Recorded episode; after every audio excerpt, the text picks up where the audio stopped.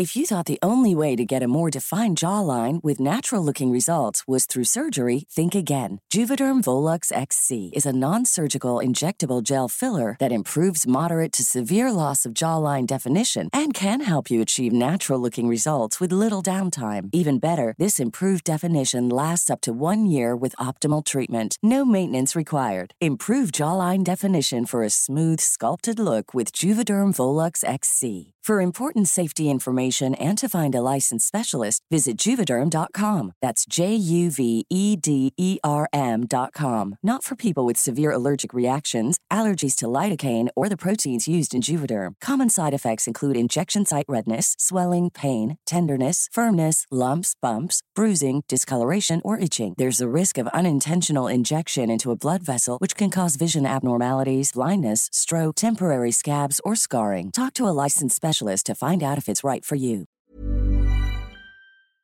Helt siden de første menneskene slo seg ned i Trøndelag, har det blitt observert underlige lys over Hessdalen. Fenomenet har blitt forsøkt bortforklart som syner sett av bygdetullinger og deliriske hallusinasjoner forårsaket av den lokale drikkekulturen. Men det skulle vise seg at fenomenet stakk langt dypere når Hessdalen-fenomenet fikk verdensomspennende oppmerksomhet i ufo-miljøet på 1980-tallet. Fenomenet er fremdeles der, og det er fremdeles like uforklarlig som den gang. I 2024 kommer en podkastserie i seks deler produsert av Project Hessdalen, som kanskje en gang for alle skal finne svar på hva som rører seg på himmelen i denne bortgjemte dalen i Trøndelag. Serien har som seg hør og bør fått tittelen A Blaze in the Northern Sky, og den kommer til din favorittpodkastavspiller i 2024.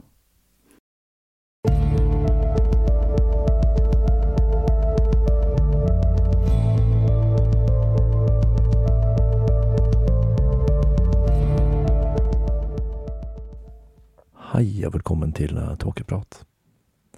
Jeg heter Even, og når jeg tar opp denne episode 188, er det lørdag den 23. april 2022. Da var påskeferien overstått for i år, og for meg besto denne i en studie av forholdet mellom godtespising og aktivitetsnivå i barn over fem dager, og jeg må si jeg føler meg ganske sikker på at det er en sammenheng der. Heldigvis klarte jeg å stikke meg litt unna, og jeg fikk brukt morgenene til å jobbe med materialet til liven, og er nå ferdig med utgangspunktet til denne episoden. Men fremdeles så gjenstår det en del arbeid, selv om jeg tror det meste skal være i rute og alt er duket for et knallarrangement. Denne uka derimot har gått med til å knaste sammen denne siste delen i serien om Cameron, for jeg følte jo at det var på sin plass å få ut denne før jeg begrav meg helt i forberedelsene til liven. Så her har det vært ellevill sjonglering mellom podkast og jobb, og for å toppe det hele så har jeg kastet meg på en ny runde med jobbsøknader i tillegg, så jeg slipper i hvert fall å kjede meg om dagen. Men nå er tiden inne for å se nærmere på den siste epoken i livet til Marjorie Cameron.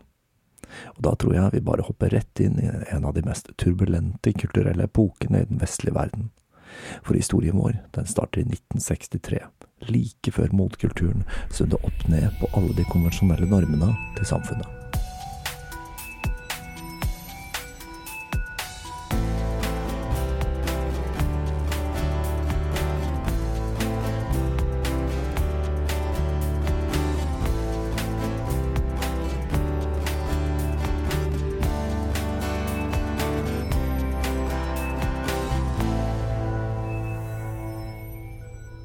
Gerald York, som vi husker som mannen som var en av Crowleys nærmeste disipler mot slutten av livet hans, tok til slutt kontakt med Cameron, etter å ha hørt talløse historier om henne fra personer som Carl Germer og Kenneth Anger. Selv om York på denne tiden var langt mer interessert i buddhisme enn Talema, så lurte han på om Cameron fremdeles trodde at hun var den jordiske manifestasjonen av Babylon. og han lurte på hva hun syntes om det magiske arbeidet til Jack Parsons som helhet. Cameron skrev til ham og fortalte at hun først hadde motsatt seg tanken, og at det var hun som hadde fått Jack til å bryte med agapelosjen på grunn av hennes forakt for religion, selv om dette nok er en ganske tvilsom påstand. Videre skrev hun at hun gjennom Jacks magiske veiledning hadde sett flere og flere tegn på at det Jack hadde fortalt var riktig, og at hun nå var helt sikker på at hun var manifestasjonen av denne telemiske gudinnen. Hun forklarte posisjonen sin i hierarkiet med tetragrammaton, altså dette unevnelige hebraiske navnet på Gud, YHVH, eller Jave. Den første bokstaven J representerte Alistair Crowley som far. He, den andre bokstaven, Lea Hirsig, som dere kanskje husker som en av de viktigste av disse skarlagenskvinnene til Crowley. V-en i Wow, representerte sønnen som var Jack, og den siste, Hen, representerte henne selv som datteren. Så sånn var det. Cameron drev på en ny bølge av inspirasjon, og hun begynte å male igjen. Blant annet bildet av Det svarte egget, som var et selvportrett der hun var kledd i hvitt og hadde svarte øyne uten iris, hvor hun da holder et svart egg. Det gir vel seg selv med tanke på tittelen på maleriet. Som en liten sidenote så var det egentlig ikke tenkt at illustrasjonen skulle ha helt svarte øyne, men etter at datteren Krystel hadde lekt seg litt med leppestift på maleriet, så hadde hun ikke noe annet valg. Sommeren gikk, og når vinteren kom, var Cameron med i et TV-intervju der hun skulle snakke om heksekunst, noe som var begynt å bli litt i vinden etter at Gerald Gardner hadde etablert Vika i England på 50-tallet. Dette intervjuet skulle ikke gå så bra, når intervjueren i stor grad bare gjorde narr av Cameron og det hun fortalte. Men det skjedde andre ting som skulle få enorme konsekvenser den samme uken hun ble intervjuet. Time publiserte en artikkel om to professorer fra Harvard som hadde skaffet universitetet en del uønsket oppmerksomhet, og som begge hadde endt opp med å bli avskjediget. Det var ingen ringere enn Timothy Leary og Richard Alpert, som verden senere skulle kjenne under hans gurunavn Baba Ramdas. Denne historien har jeg jo tatt for meg i det vide og det brede her i Tåkeprat tidligere, blant annet i episode 65 til 69. Og det er en historie jeg mener er sterkt underkommunisert, fordi den var med på å forme hele det vestlige samfunnet på en måte vi knapt kan forestille oss. I artiklene Cameron leste, kunne hun lese hvordan Leary Alpert hadde gitt studenter LSD og psilocybin for å forsøke å fremkalle religiøse opplevelser, blant annet i Langfredag-eksperimentet, Leary forsøkte å fremprovosere en religiøs opplevelse i studenter med psilocybin som ble inntatt i et kirkerom. Leary hadde jo disse sommerleirene sine i Mexico, blant annet i 1963, og det skulle vise seg at Cameron hadde vært i Mexico nettopp på det tidspunktet, og hun ergret seg over at hun ikke hadde visst om det som foregikk der, slik at hun ikke hadde fått muligheten til å være med. Cameron hadde ekstremt lyst til å få tak i LSD, en substans kjæresten Bert hadde testet, og som han skrøt opp i skyene som en portal til deler av psyken som ellers var utilgjengelig. Men tingen var den at Cameron var blakk og gikk på trygd. Så på nyåret så flyttet hun og Crystal inn i leiligheten til Kenneth Anger på Silver Lake Boulevard. Da skulle forholdet deres nå nye og hva skal vi si underlige høyder. For å komme nærmere hverandre begynte de å ta hormoner. Hun tok testosteron, han tok østrogen, for da å bli mer like hverandre. De skulle til og med forsøke seg på å ha sex, men dette merkelige forholdet skulle ta en bra, brå slutt når Anger flyttet til New York og etterlot Cameron til seg selv i denne merkelige, tvekjønnede tilværelsen. Carl Germer døde høsten 1962, og med hans bortgang manglet OTO en klar leder. Men Cameron og Anger de fortsatte å spre sine egne tolkninger av Crowley gjennom kunsten sin. I 1964 produserte Anger filmen Scorpio Rising, som han erklærte som en telemisk hyllest til frihet. Men igjen så uteble den store responsen fra Crowleys tilhengere, og Anger erklærte dem alle som forrædere mot Telema. Den samme dagen Anger ble rasende over den lavere responsen på filmen hans, den 3. oktober, ble det avholdt et arrangement for å hylle kunsten til Cameron i en kino på Santa Monica Boulevard, med tittelen Den transcendale kunsten til Cameron. Kinoen var en som hadde spesialisert seg på film som ikke var mainstream, og i lobbyen kunne man kjøpe hennes seneste utgivelse, som var en illustrert versjon av diktet hennes, Black Pilgrimage. Showet startet ved midnatt og det begynte med at Cameron leste fra den magiske dagboken sin mens kunsten hennes ble projektert på lerretet. Det hele skal visstnok ha vært litt i overkant dramatisk, og skal ha framprovosert noe latter fra salen. Etter en liten pause ble det vist klipp fra de ulike filmene hun hadde vært med i, og det hele skulle avsluttes med en visning av hele Inauguration of the Pleasure Dome. Men så skulle ting vise seg å bli litt komplisert For Anger, som hadde en tendens til å få raserianfall, derav navnet, hadde jeg nært sagt, og som sikkert var litt ekstra hissig på grunn av mottagelsen til Scorpio Rising, dukket opp med et par svære karer. Selv var han bevæpnet med en diger kniv med et buet blad, og han forlangte at det hele skulle stoppes. Han hevdet at kopien av filmen som skulle vises, var stjålet, og forlangte å få den med en eneste gang. Anger og de to store kara stormet projeksjonsrommet, hvor en av de tok tak i Cameron og truet henne med en kniv mot strupen. Heldigvis så var det en gruppe med fotballspillere blant publikum, av den digre typen, og de klarte å roe ned gemyttene. Anger gikk med på at de kunne vise filmen så lenge han fikk være der og kunne introdusere den.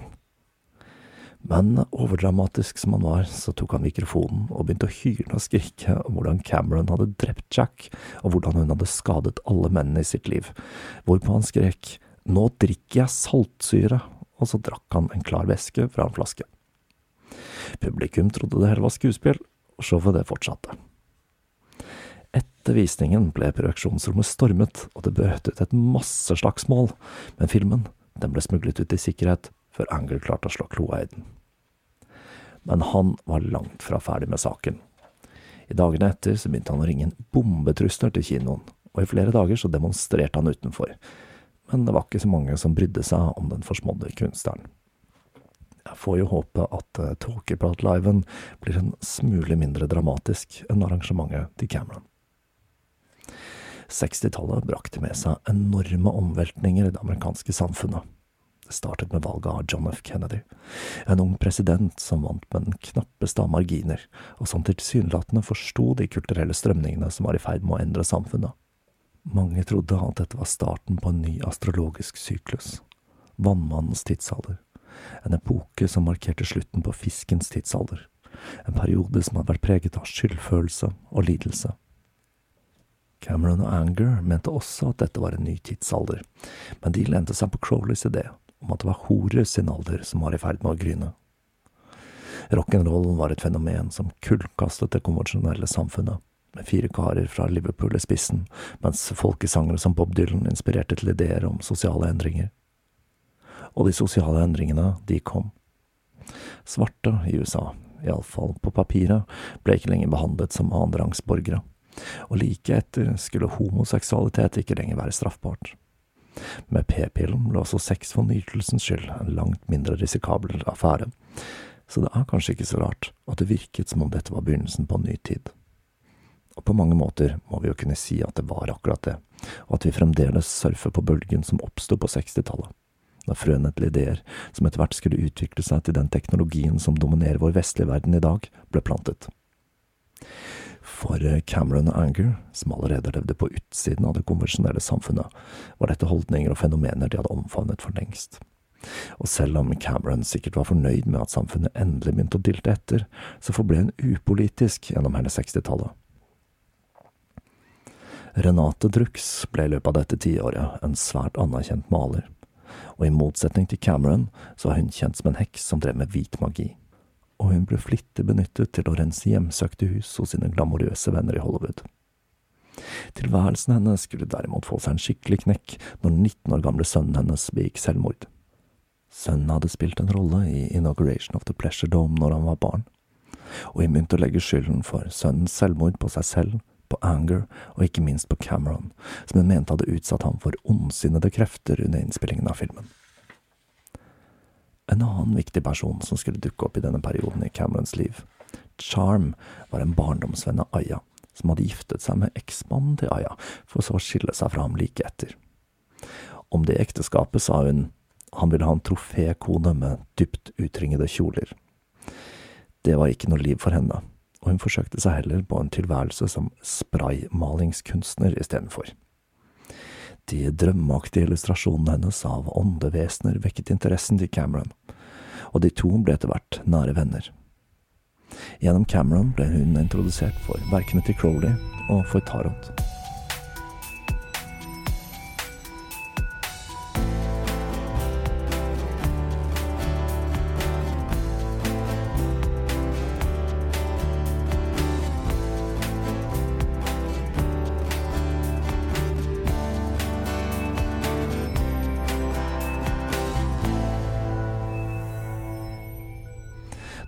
Datteren til Cameron, Crystal, fikk aldri noen utdannelse etter fjerde klasse. Vennene forsøkte å overtale henne til å sende datteren på skolen, men hun ville ikke høre på det øret, og med det begynte problemene å tårne seg opp. Som niåring begynte hun å rane banker. Til å begynne med syntes de ansatte i banken at det hele var søtt, men når hun dukket opp igjen og igjen, og det ble mer og mer åpenbart at den lille jenta mente alvor, tok banken kontakt med moren og krevde at hun skulle gjøre noe.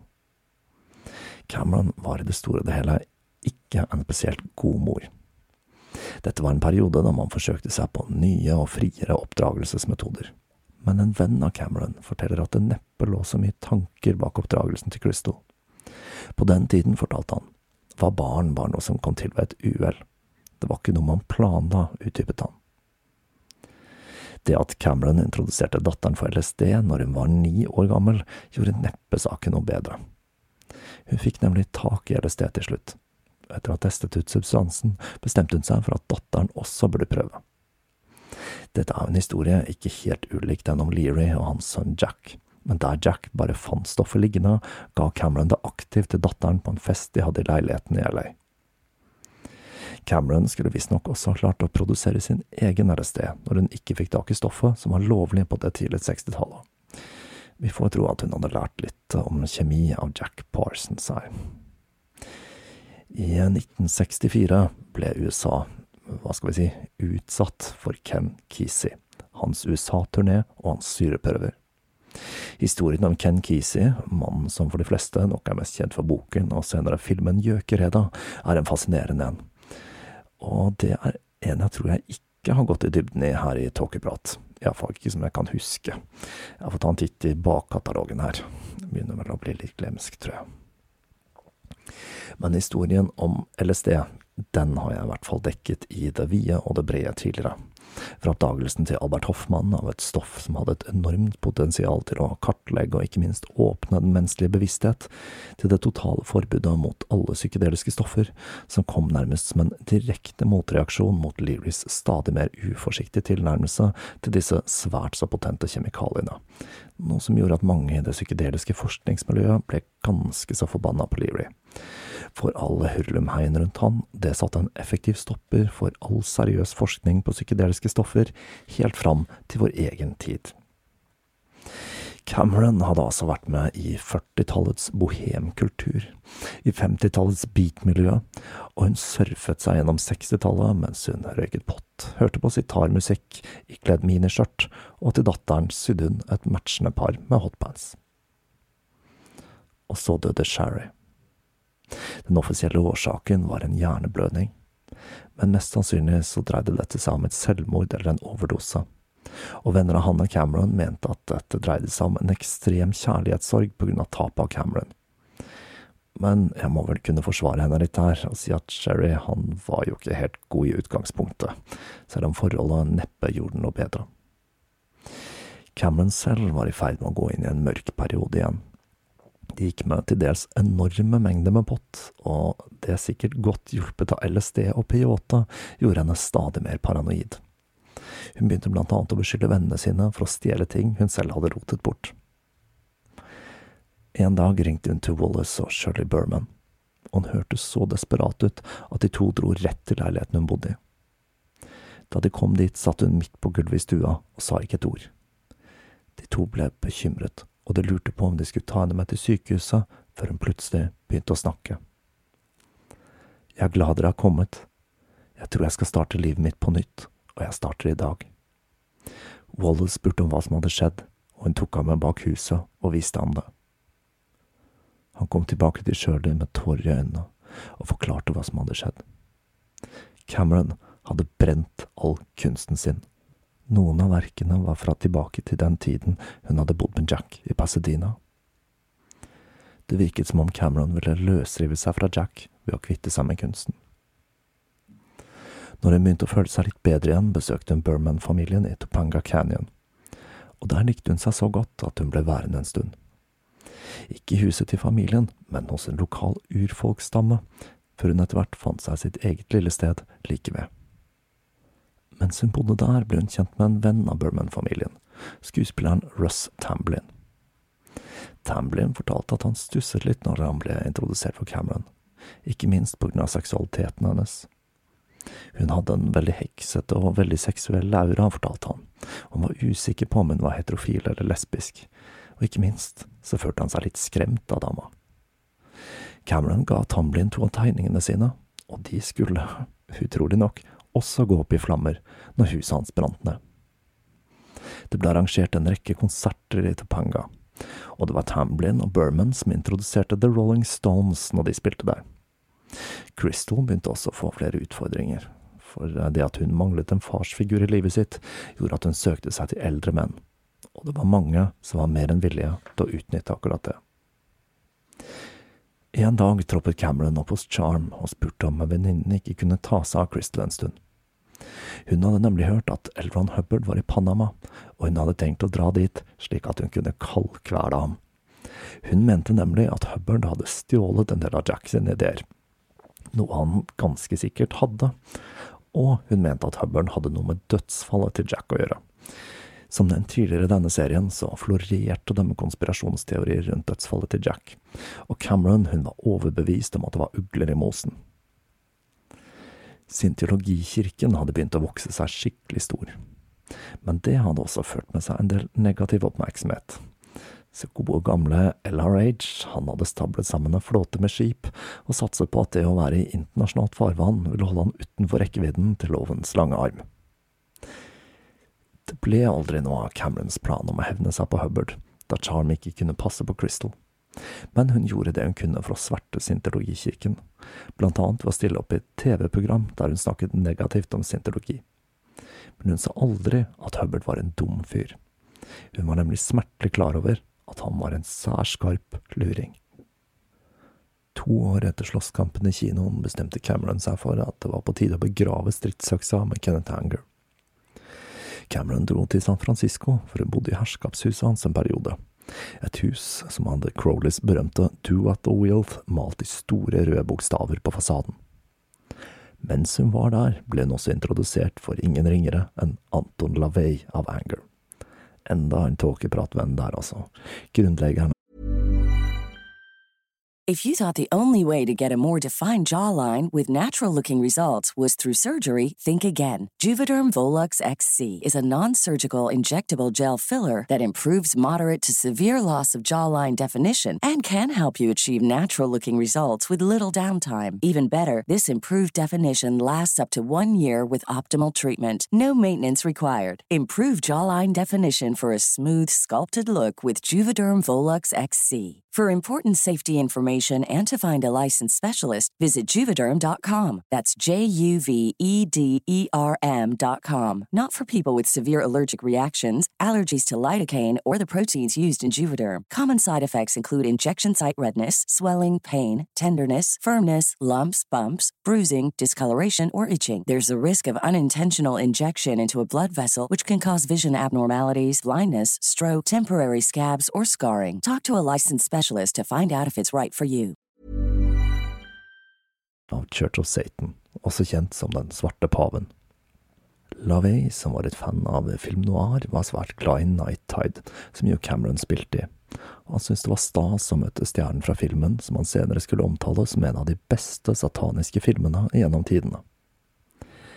Men som Cameron jo visste, så kunne Anger være litt vanskelig og hele forholdet falt i grus igjen når han begynte å utsette henne for tankespill etter de to hadde tatt LSD. Og det ble igjen uvenner. Anger han dro til London, og i London så ble han kompis med The Rolling Stones på grunn av ryktet sitt. Og ifølge ham selv, jeg tror ifølge ham selv delen er veldig viktig her, så var det han som inspirerte bandet til å skrive den ikke helt ukjente låta Sympathy for the Devil. Cameron på sin side, hun heiste anker igjen, tok med seg Crystal, forlot California og flyttet til Santa Fe i New Mexico. Vinteren 1967 satt skuespillerinnen Pat Quinn i huset hun passet for noen venner i Santa Fe mens hun ammet den nyfødte sønnen sin Caleb. Hun hadde dratt dit for å unnslippe storbyens kjas og mas. Men en morgen så kom jaggu meg kjas og mas gjennom soveromsvinduet hennes, og det i form av den da tolv år gamle Crystal.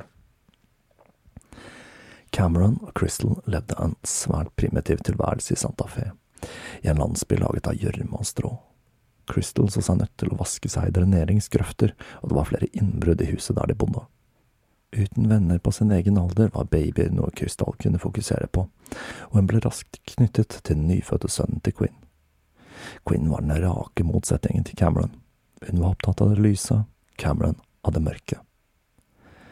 Det skulle åpne seg en mulighet for å bli med i en ny film når Cameron bodde i Santa Fe for pop art-skulptøren John Chamberlain skulle forsøke seg på å lage sin første film.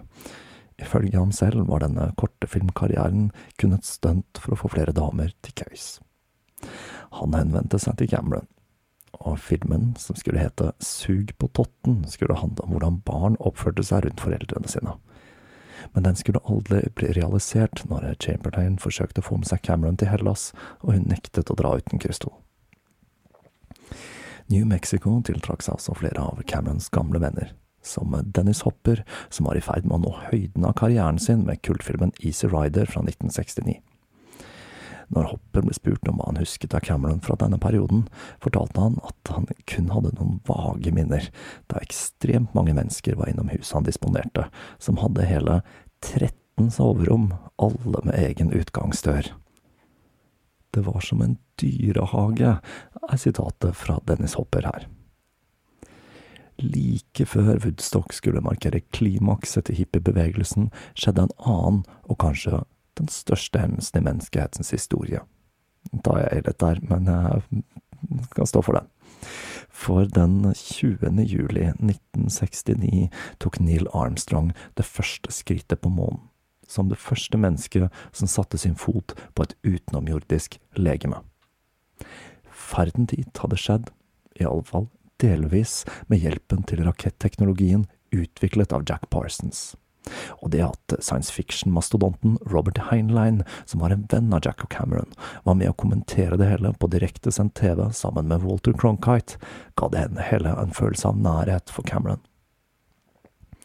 Mot slutten av 60-tallet begynte også Crowleys innflytelse å bli større og større, og Crowleys lære virket langt mer tiltrekkende på massene enn den til personer som Gurdjieff og Blavatsky. Dette er noe vi ikke minst kan se i hva jeg regner som den beste plata til The Beatles, Sergeant Peppers Lonely Hearts Club Band, hvor blant annet Crowley figurerer på omslaget.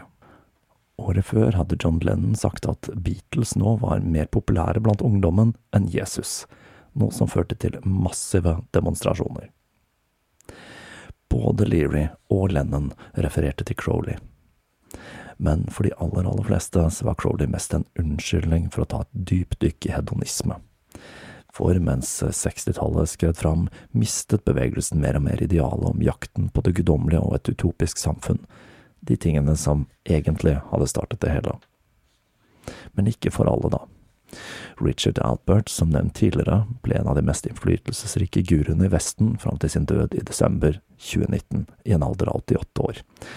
Og jeg må si at man kan gjøre det dårligere enn å følge læren til Ramdas, som blant annet står bak boka Be Here, Be Now. Han hadde i det minste noen fantastiske historier og anekdoter å komme med. Ting begynte altså å gå nedover, og så startet Vietnamkrigen, som ble fulgt av antikrigsdemonstrasjoner. Samtidig foregikk det en rasekrig i statene, noe som resulterte i drapene på dr. Martin Luther King og Malcolm X. I august 1969 ble Kenneth Angers elsker Bobby Beausoleil arrestert for å ha drept en musikklærer i LA. Det hele hadde visstnok skyldtes en narkotikahandel som hadde gått fryktelig galt, og dette var bare starten på en serie med drap som ble det mørke punktumet for hippietiden. Vi kjenner vel alle til Charles Manson og Tate LaBianca-drapene. Nylig kom det ut en bok som har en ny vinkling på disse, Chaos av Tom O'Neill fra 2019, og det er mulig jeg kommer til å gå litt inn i materialet der i en senere serie, for Manson-kaninhullet, det går mye dypere enn man først kan få inntrykk av.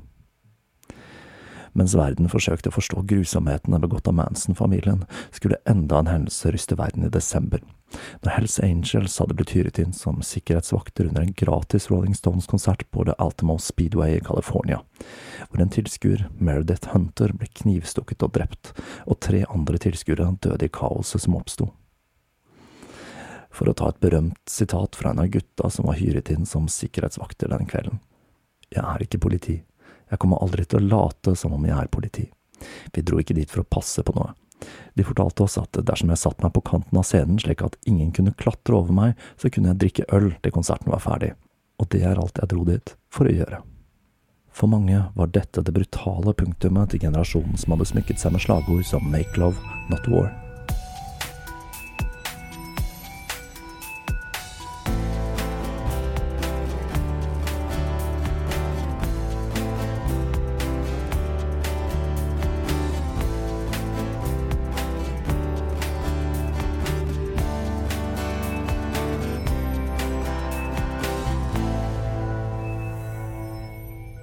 Cameron flyttet tilbake til California midt i all ståheien. Det var visstnok fordi Ayas nye ektemann, William Royer, som var en frimurer, hadde tilkalt henne på magisk vis. Han hadde hørt alle de sensasjonelle historiene om Cameron, og han var veldig spent på å møte henne for å diskutere alle de mørke strømningene i samfunnet.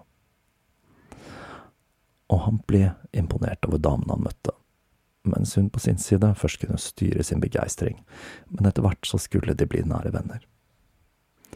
En bok som fascinerte de begge, var The Morning of the Magicians av Louis Powells og Jacques Bergier, som tar for seg et bredt spekter av tematikk, fra nazismens okkulte røtter til friske teorier om at romvesener hadde vært på jorda og vært med å forme menneskenes sivilisasjon. En teori som også skulle inspirere Erik von Danikens Chariots of the Gods fra 1968. Og det er en bok som mer eller mindre har blitt diskreditert i sin helhet. Men den inspirerte en rekke nye tanker og ideer rundt ufo-fenomenet. Og alt dette snakket om romvesener, det fyrte igjen opp ufo-interessen til Cameron. Og hun tok med seg Crystal til Pioneer Town i Joshua Tree. Dette var rett og slett et forlatt westernfilmsett, og de bosatte seg der. Etter hvert så fikk de også selskap av flere venner annet Norman Rose, som også var svært interessert i ufoer. En av disse vennene, Larry Hall, hadde visstnok jobbet ved militærbasen i Roswell når dette berømte krasjet skjedde, og han fortalte at han hadde sett en hundeformet ufo der. Det var første gang jeg hørte om en hundeformet ufo. Sammen hadde de ritualer, drakk champagne og så etter ufoer. Det høres jo unektelig ganske gøy ut, det, men det hele skar seg når det kom en gjeng som skulle drive med live rollespill der. Og Crystal hun hadde seg med en eldre kar, noe som førte til at politiet ble tilkalt på grunn av utuktig omgang med mindreårige, og Cameron og Crystal, de måtte flykte. De som kom seg gjennom 60-tallet, nærmest snublet inn i 70-tallet.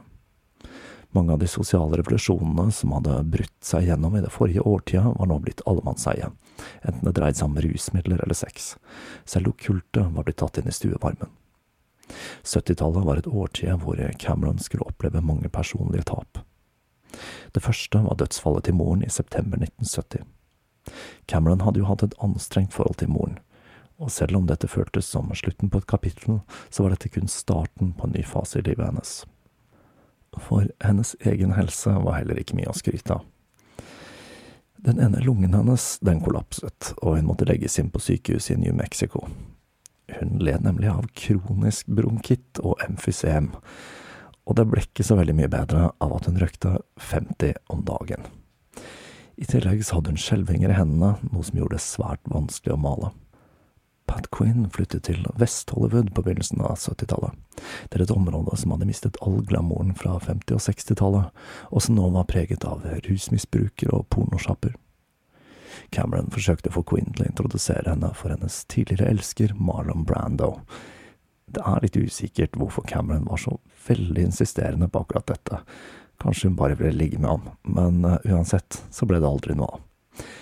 Men Cameron skulle møte et par andre superstjerner via Queen. Den første var Bob Dylan, som også var en tidligere elsker av Queen. Hun forteller at Cameron forsøkte å virke mystisk, men at Bob ikke så ut til å bry seg noe nevnverdig. Og den andre store kjendisen hun ble introdusert for, det var Jack Nicholson. På 70-tallet ble Crowleys innflytelse på popkulturen enda mer tydelig med band som Led Zeppelin. Som jeg vel nevnte i en av de tidligere episodene, så skulle Kenneth Anger bli kompis med Jimmy Page, etter de begge hadde vært på en auksjon der Crowleys eiendeler ble auksjonert bort. Anger forsøkte til og med å få med Jimmy Page på et filmprosjekt, men det hele kokte ut i kål.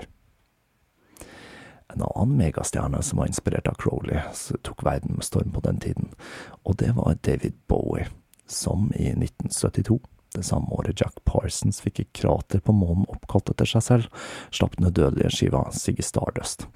Så Bowie han uttalte i 1976 at det var Alistair Crowley og Kabbalah som var hans største inspirasjonskilder. Når uh, Quinn flyttet fra leiligheten i Hollywood, tok Cameron samt Crystal med den første ektemannen og sønnen de hadde fått, over den. Og det gjorde at Cameron nå plutselig bodde i hva som vel må kunne kalles Hollywoods Red Light District. I februar 1976 ble Walter Burman drept av en fyllekjører. Han var en av de som virkelig hadde støttet Camerons kunstneriske karriere, og det var et hardt slag for henne.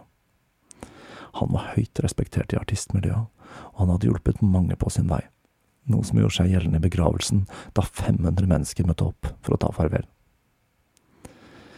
Etter mannens død ble Cameron en inspirasjon for Shirley Berman. Det var ikke så mye livsstilen som inspirerte henne, men motstandsdyktigheten og tilpasningsevnen hennes. Bare ett år senere tok Bert Schonberg kvelden. Han døde av en hjerneblødning. I den siste delen av livet hans så hadde han trodd at han var en viss Jack Bond, en intergalaktisk agent fra den fjerde dimensjonen. Så 60-tallet hadde vel gått litt vel hardt utover den stakkars Bert. Punken kom, men den fikk aldri det samme nedslaget i USA som i Europa. Men det var noe punk i staten også, og Exin Servenka, frontfiguren til punkbandet X, var naboen til Crystal mellom 79 og 80. Etter det første ekteskapet hadde gått på dunken, hadde hun blitt mer og mer utagerende seksuelt, og en dag Sarvenka kom hjem, fant hun Crystal splitter naken midt i gata, hvorpå Cameron kom og hentet henne. Det som gjorde spesielt inntrykk på Sarvenka, var ikke det at hun sto naken midt i gata, men at Cameron ikke forsøkte å dekke til datteren når hun fulgte henne hjem. De var hedninger, uttalte hun senere, og hendelsen ble foreviget i sangen In This House That I Call Home. Dekadansen fra 60- og 70-tallet fikk en bråstopp når 80-tallet meldte sin ankomst, med statsledere som Ronald Reagan og Margaret Thatcher. Selv om det må sies at Reagan-familien benyttet seg av astrologer, og at en av disse var Carol Writer, en astrolog Cameron hadde nær forbindelse til. På 70-tallet hadde Cameron oppdaget tai chi og dette var en treningsform som passet henne perfekt, og som hun kunne drive med i hagen bak huset, hvor hun også hadde en stor jerngryte til seremonielt bruk. Når 80-tallet eh, skred frem, begynte barnebarna å bli det store fokuset for Cameron. Det virket som om hun ville ta igjen noe av det hun hadde mistet med sin egen datter. Dessuten så var ikke Crystal heller akkurat en supermor, så det å ta seg av barnebarna, det var en fulltidsjobb i seg selv. For eksempel så stjal den ene sønnen til Crystal fra Cameron, blant annet så tok han skaraberingen hun hadde etter Jack. Cameron var som en løvinne når det gjaldt barnebarna, og hun støttet dem når de havnet i rettsvesenet, og ikke minst i skolesystemet. OTO skulle etter hvert vokse seg sterk igjen, og gjennom musikeren William Breeze ble hun introdusert for en ny generasjon utøvere som var svært spente på å møte denne linken til selveste Crowley. En av disse var Sally Ann Glassman, som selv jobbet med gudinnen Babylon, og som nok hadde håpet på å bli tatt imot litt mer solidarisk enn hun ble. Hun fikk en iskald mottagelse når hun møtte Cameron, og når hun viste fram tarotstokken hun hadde illustrert, fnyste Cameron bare og sa at hun hadde stjålet noen andres verk. Når Sally Ann sa at Cameron hadde levd et så spektakulært liv at noen burde skrive om det, fnøs hun bare igjen og sa hvem vil du anbefale til å gjøre det? Deg selv, kanskje. Som vi husker, hadde Cameron en lei tendens til å havne i konflikt med andre sterke kvinner, og her er det jo ikke så veldig vanskelig å skjønne hvorfor. Cameron skulle også dukke opp i mediene noen ganger til. Den 10. mai 1987 var hun med i The Chicago Tribune sammen med Crystal og barnebarnet Iris i en artikkel om mødre og døtre. I august det samme året dukket hun og Anger opp i en radiodokumentar på BBC om Elron Hubbard og scientologikirken. I årenes løp hadde den vokst seg gigantisk, og mot slutten av 80-tallet var det en rekke Hollywood-kjendiser som frontet bevegelsen. Cameron hadde mildnet litt i forhold til scientologene. De hadde nemlig klart å skaffe til veie FBI-filen til Jack, og med det så hadde de kommet på godfot med Cameron. Det gjaldt derimot ikke Anger, som langet ut mot Hubbard og kalte han en elementdemon. Selv om Cameron aldri hadde vært med i verken OTO eller Scientologikirken, så mente hun at hun hadde fortjent en av de høyeste gradene i begge retningene. Men hun hadde fått noen andre interesser. På slutten av 80-tallet begynte denne damen, som alle naboene bare kalte Heksa, å introdusere seg mer og mer for New Age-sjamanistiske retninger, og hun skrev til Charm at hun var lei av livet i LA, og vurderte å flytte til Mount Shasta, nord i California, hvor Charm bodde. Dette var nemlig et yndet sted i New York-kultur, og man mener at plassen er tilholdsstedet til Det hvite brorskap, altså disse hemmelige mesterne som holder til på usynlige steder, for de av dere som husker historien om Helena Blavatsky. Cameron skulle også bli mer og mer opptatt av feminisme fra et esoterisk ståsted, og hun var spesielt opptatt av kvinners spirituelle utvikling fra prehistorisk tid. Det er et åpent spørsmål om hvorvidt Cameron så på seg selv som en feminist. Hun var en svoren tilhenger av Crowley hele livet, han var som en farsfigur for henne, og han hadde jo absolutt sine sjåvinistiske sider. Men de som kjente henne, sier at uansett hvordan hun så på seg selv, så var hun en feminist av den gamle skolen. Aya fortalte at hun trodde ikke på ektemenn som livspartnere, de var bare egnet til å få barn med, for så å kaste dem ut. Cameron fikk hjernekreft, og denne spredte seg. Hun døde den 24. juni 1995 i en alder av 73 år. Hun døde i armene til barnebarnet Iris, omgitt av bilder av høydepunkter fra livet hennes, inkludert et bilde av hennes livskjærlighet, Jack Parsons. Hun strittet ikke imot og ønsket døden velkommen med åpne armer.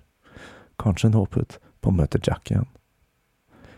En ypperste prestinne fra OTO ble kalt inn for å utføre de nødvendige ritualene, før Cameron ble kremert og asken hennes ble spredd i Mojave-ørkenen, på samme sted hvor Jacks jordiske levninger hadde sitt siste hvilested.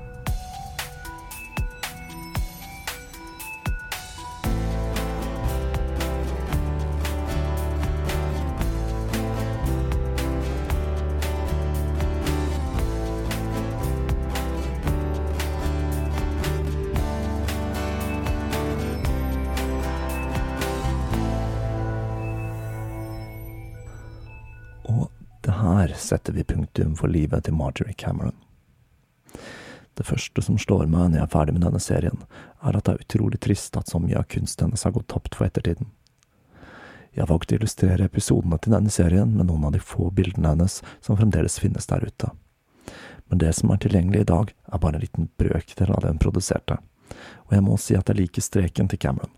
Det er noe vilt, utemmet seksuelt og mystisk over det hele som jo er tre adjektiv som også kan brukes til å beskrive Cameron selv. Som de fleste mennesker så hadde hun sine gode og sine dårlige sider, men vi kan vel konkludere med at hun dro disse til de absolutte ytterpunktene. I serien om Jack Parsons mener jeg å huske at konklusjonen min var at Parsons var overvurdert som ritualmagiker og undervurdert som rakettforsker. Med Cameron føler jeg at hun drev med ritualmagi på utsiden av fastsatte ritualmagiske systemer, og at betegnelsen heks, som ble brukt om henne om og om igjen, kanskje er en ganske passende betegnelse. Og så tenkte jeg å avslutte med et par strofer fra Cameron selv. Syv ganger banket jeg på den mektige døren til det underjordiske hvelvet. Åpna, åpna, jeg står utenfor i den trekkfulle, snirklete korridoren foran ditt kammer. Syv ganger gjentok jeg bankingen på den store steindøren i den forlatte grotten, og jeg forbannet midnattstimen. Kom frem, jeg bærer en lampe i dette grusomme mørket, og du skal få se ansiktet du har sett i drømmene dine. Og med det takker jeg for denne gang. Vi høres igjen om ikke lenge. Kanskje blir det på scenen på Kafé Hærverk om du befinner deg i Oslo førstkommende torsdag.